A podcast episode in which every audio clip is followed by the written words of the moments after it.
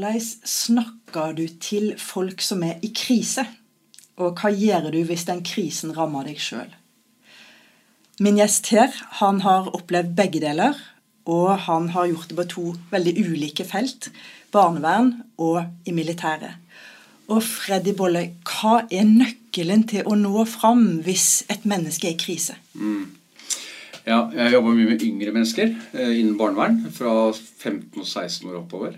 Eh, det, relasjoner er veldig viktig. Du, du må ha en um, kunnskap om det som sitter foran deg. Og, og, så tenker jeg at den andre parten må også vite litt om deg. For at hvis jeg skal sitte og, og bla i dens liv, så må den også ha noe av min bakgrunn, hvem jeg er. Hvordan gjør du for å nå fram med det? For jeg regner med det er ikke CV-en din du leverer ut? Nei, den CV-en min er ganske stusslig, tror jeg. Jeg har ikke noe særlig CV, men jeg har den erfaringa. Eh, det er jo sånn som jeg kan dra hjem til en ungdom som skal flytte til oss for noen år siden. ikke sant? Han har låst seg inn på rommet, han har knust rommet, mora tør ikke å gå opp. Jeg banker på forsiktig. Jeg går inn i rommet. Jeg gjør meg liten, ikke noe truende. Jeg har kanskje litt knekk i knærne, henda i lomma. Viser med kroppsspråket mitt at jeg er ikke noe trussel, men jeg er en som skal prøve å hjelpe lav stemmeleie, ikke noe truende. Så jeg bruker mye kroppsspråk og stemmeleie også når jeg skal inn til folk. Ja. Ja. Blikkontakt, da? Hva gjør det? Ja, eh, Det kan være litt skummelt. Eh, for ungdom eh, kan reagere på det, for det er noe truende. De har kanskje levd i et regime hvor jeg tenker at mange av de ungdommene jeg jobber med, de er sånn derre super Hva skal jeg kalle det? De har så kontroll på andres kroppsspråk. Hvis det er foreldre som har slåss. De, de greier å lese kroppsspråk til andre. Og så er det blikkontrakt, fått mye kjeft hvis jeg står og kjefter på deg. sånn. Så jeg, det, det finner jeg ut litt av med ungdommen. Så det er ikke sikkert jeg trenger å se på, men jeg kan ta meg ut i bilen, sette meg i bilen, kjøre en tur med den. Han sitter og ser rett fram, jeg sitter og ser rett fram. Mye lettere å holde en samtale i gang. Ja. Er det noe du ofte ser? At det å ta vekk blikkontakten faktisk gjør at folk slapper mer av? Mm, ja, veldig. Samme som andre ungdom. Også. Jeg er også kan gjøre meg litt liten når jeg har samtaler med noen ungdom da, som har vært i et eller annet turbulent og kanskje ja, vært en voldsepisode der jeg jobber med noe sånt nå, så har den gått inn på rommet. Så kan jeg gå inn på rommet til den ungdommen og legge meg på gulvet. Senke meg helt ned. Han ligger på senga, han eller henne. Jeg ligger på gulvet, slapper av og, og ser opp i taket. Og den andre ungdommen ser opp i taket. Det er veldig mye lettere å få i gang en samtale på den måten der. Har du opplevd at du har tolka det helt feil, og det har skåret seg? Nei, ikke som jeg kommer på nå, nei.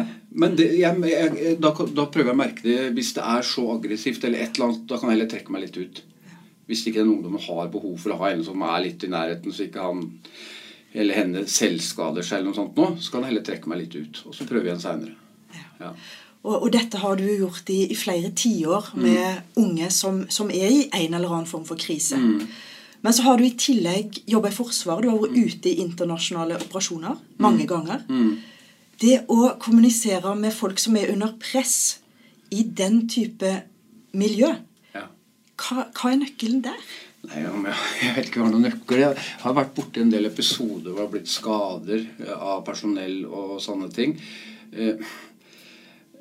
Eh, jeg tror Forsvaret er mye mer robust å sende ut mennesker nå enn det det var når jeg var ute første gang i 87. Da, da hadde du førstegangstjenesten som kunne reise ut. ikke sant? Eh, nå er de mer trent, sjekka ut på alle mulige måter. Men eh, den gangen da så opplevde jeg at folk blei ja, en som fikk sjokk, ikke kom seg, satt og skalv etter et granatnedslag eh, som var rett i nærheten. Men da var jeg også ganske ung, så jeg var ikke helt sånn mottagelig for å hjelpe hjelpe en andre på den måten der. Det tror jeg kommer med livserfaring, at du ser mer mennesker rundt deg. altså Litt den macho-greia at 'nei, men dette ordner seg'. Men jeg kjenner jo mange som skulle vært på sjukestua eh, på forskjellige måter opp gjennom tidene. Ja. Ja. Hva ville du gjort i dag i det tilfellet? Der han sitter og er, er, har et sjokk? Ja, Da ville jeg jo tilnærme meg på en helt annen måte. Eller da ville jeg jo snakka med det mennesket. Eh, og, og, satt meg ned. Og så isolert mennesket. Eh, gjerne i starten. For det er ubehagelig med mange tilskuere noen ganger. Hvis du er, hvis du er trengt opp i en hjørne, skada ulv og du står i et hjørne, du må ha noen utveier.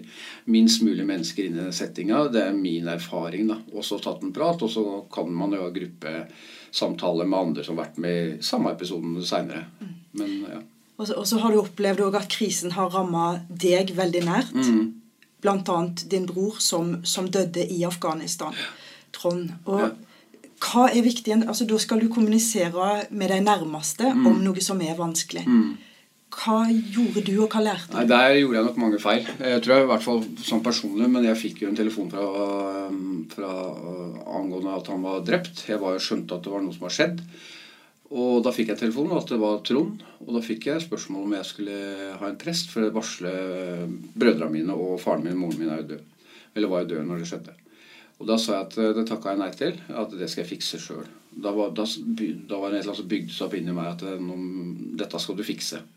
Så jeg gikk jo litt ned for telling på gulvet jeg la på telefonen, og så lå jeg der i 20 minutter, og så begynte den der indre stemmen å si faen, nå må du faen meg ta deg sammen. Nå må du komme deg på beina. Nå har du en oppgave du skal gjøre. Du skal reise rundt og varsle. Så jeg holdt den gående i lille, lille, lille lang tid. Mange dager. Og hadde noe å drive med hele tida. Eh, Sånn som fattern måtte ta DNA-test pga. det var noen kroppsdeler de ikke hadde kontroll på. Så må du gi de tunge beskjedene til de nære. Og, da, da, og så blei jeg et bindeledd mellom Forsvaret og familien. på en måte. Så de henvendte seg til meg i den perioden der. Jeg holdt og holdt og holdt. Eh, og så, så gikk jeg og Trond i tømmerlæra sammen. Og så jeg spurte Børg kona hans om oppgaver hele tiden om eh, det var noe jeg kunne gjøre. Og så sa jeg kan ikke bytte store kjøkkenvindu på kjøkkenet. For det hadde han aldri fått gjort. For han hadde jo aldri tid. Han var sjelden hjemme. Jo, det kan jeg gjøre. Og så drar jeg ut og, i vedskjulet og finner den verktøykassa hans som jeg husker fra 87-88. Vi jobba sammen. Og da så jeg det verktøyet jeg kjente igjen. Verktøykassa, teipen som var på. Da, da bare begynte beina mine å skjelve. Tårene bare rant, og jeg kollapsa helt. Og Da hadde jeg gått og knytta meg og skulle vise å være den sterke hele tida. Så da har jeg lært at det er lov å være litt sårbar òg. Eh, kanskje ganske kjapt etterpå. Eller slippe litt ting innpå seg, da. Men når du skal alltid være den sterke, så blir det en punch til slutt. Og, og, hvis mennesker som hører på, da er tett på noen som, som ser ut til å takle en sånn krise veldig bra, hva tenker du da? Det er vel litt det skuespillet jeg kjørte sjøl, tenker jeg. Ja. Og at de holder den rollen, og til slutt så må de kollapse. Og nå går i en stille krok, sånn som jeg gjorde. Jeg ble ikke merka, det ingen som så at jeg kollapsa der inne. Og så, er litt sånn, Ikke sånn macho, men du skulle være den sterke. Og det var veldig godt at ingen så det, så jeg har fortalt noen i etterkant. Men, eh, men eh, jeg tror eh, den holder en maske. Men så må du jo ha noen type Hvis alle kollapser samtidig, da. Så det er bra at noen tar den rollen nå, rett og slett. Så det ikke blir totalt kaos. Mm. Men hvis noen hadde kommet til deg i den fasen der du, du hadde den tøffe Ja. tonen, ville du vært mottakelig for eh, den type samtale? Eh, det er jeg litt usikker på. Men eh, det skulle nok ikke mange orda til før jeg kanskje hadde blitt sammen. Eh, men jeg slapp å få den eh, tilnærminga fra noen andre. Ja. Hva, hva hadde du gjort i dag hvis du hadde opplevd at noen som du kjente Mm. i din nærhet, oppførte seg på den måten som du kjente igjen?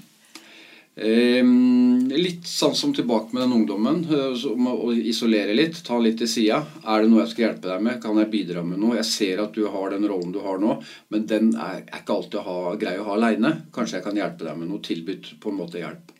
Ikke i plenum, men eh, på et stille rom. Ja. Man snakka litt om eh, det med sorg, men humor. Hva Mm. rolle har humor? Den er en av det viktigste rett i nærheten av relasjoner. Veldig viktig. Jeg bruker enormt mye med humor. Og jeg har jo kontakt med ungdom nå i dag som jeg traff for 15-20 år siden. Og de snakker ennå om humor, eh, og hvor viktig det er. Som de stort sett aldri har opplevd. da. Kom fra hjem, og jeg visste ikke hva humor var. Også, men aldri dømmende humor. Eh, Men selvironi også. At jeg kan fleipe med meg sjøl. Det løsner jo så klart i en setting eh, med hvem du er sammen med. I hvert fall mange av de forknyttede ungdommene jeg jobber sammen med. Men hvis du skal dra, ut din erfaring med disse vanskelige samtalene som du har hatt både med unge i krise, du har hatt dem med soldater rundt deg, du har hatt dem med din, din, nærmeste Hva er det viktigste du har lært? Det er å være ærlig og ikke bli sjokkert over de historiene du får eh, fortalt midt i fleisen, som kan være ganske brutale og stygge, innen barnevernet i hvert fall. Være ærlig og, og være til stede. Og, være litt eh, løsningsorientert. Ikke tenke så veldig A4, men også at du er tilgjengelig. Da, sånn som mobilverden nå. ikke sant? At en ungdom kan sende meg en tekstmelding, så kan jeg sende den til, tilbake. ikke sant? Du, Sånn som jeg jobba på en barnevernskole for mange år siden, så var det, der hadde vi ikke lov å si etternavnet vårt. Eh, jeg heter Bolle til etternavn, så jeg, klart jeg sier Bolle, for det er jo humor. Det er morsomt, ikke sant? Og, da løsner det ting. Og sånn som Nå gir jeg jo stort sett alle ungdommene, selv om det er eh, ungdommer som kan være litt på kanten, så får det nummeret mitt. Og du kan ringe meg, kan sende en tekstmelding. Og det syns jeg er veldig ålreit.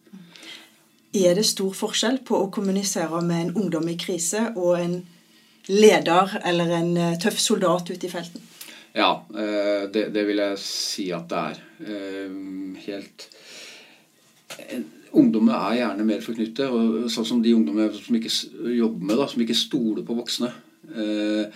Er det ute i felt eller noe sånt nå, og så er det litt annerledes. Og soldater skal jo helst ikke vise så mye følelser. Det har nok snudd nå de siste åra. Det, det, merker jeg, og har skjønt etter samtaler og foredrag jeg har holdt, at det er en annen greie nå. Og det, det varmer hjertet mitt at det, har forandra seg. Jeg vet ikke om ble noe klokere av akkurat den, men ja. Men, men, hvis du nå Nå skal du ut og holde foredrag, mm. og, og, du snakker om din historie, mm. og du deler din livserfaring. Mm. Er det noen ting i den historien som du, når du ser tilbake altså der, der, du tenker at det var en tabbe? Mm. Har, du, har, du, gjort noen tabber? Ja, men den forteller jeg ikke om. det er ikke alt som gjør seg. ja, tabber, ja. Ja, jeg har gjort eh, tabber. Eh, jeg kunne vært sendt hjem flere ganger fra utenlandstjeneste. Men eh, ja hvor det Litt alkohol med bilder i Libanon 87. Eh, som jeg burde kanskje avslutta militærkarrieren min der. Ikke noe at jeg var mot andre, eller noe sånt, men du går kanskje over et minefelt som du ikke burde ha gått over. da, Og litt sånne ting. Ja det, det, med å gi folk en ny sjanse det, For det, det, er det jeg opplever at du er veldig opptatt av, er, disse ungdommene. Mm, veldig opptatt av det. Jeg er superopptatt av det. Jeg, lærte, jeg tror mutter'n lærte oss mye der. Mutter'n var en som aldri kjefta. Vi fikk aldri kjeft av mutter'n. Vi gjorde mye gærent. Hun tok oss inn og fikk tørka oss opp og fortalte hva som var rett og galt. Vi ut og prøvde oss igjen. Hun vi fikk aldri kjeft. Aldri. Og det har jeg tatt med meg inn i barnevernet. Jeg har aldri kjefta på en ungdom i de 24 åra jeg har jobba med disse ungdommene aldri stått med pekefingeren. Jeg må sette grenser. Hvordan setter du grenser uten å kjefte? Ja, da, da Igjen det litt avvæpne kroppen og stemmeleie og sånne ting. Og så prøve å få den motparten med på den grensa, så den kan eie den litt sjøl. Eh, så det er ikke jeg som står over og sier 'nå skal du høre på meg', men kan vi finne ut av dette sammen? Og det, det er ikke sikkert det virker første gangen. Men så ser den ungdommen ja, kanskje jeg kan snakke om Freddy om, om det greiene der. For han er ikke sånn som kjefter. ikke sant? Og, og det kjeftet det hjelper ikke. Disse ungdommene har fått kjeft hele livet sitt. Ja. Tusen takk skal du ha, Freddy Bolle. Bare hyggelig.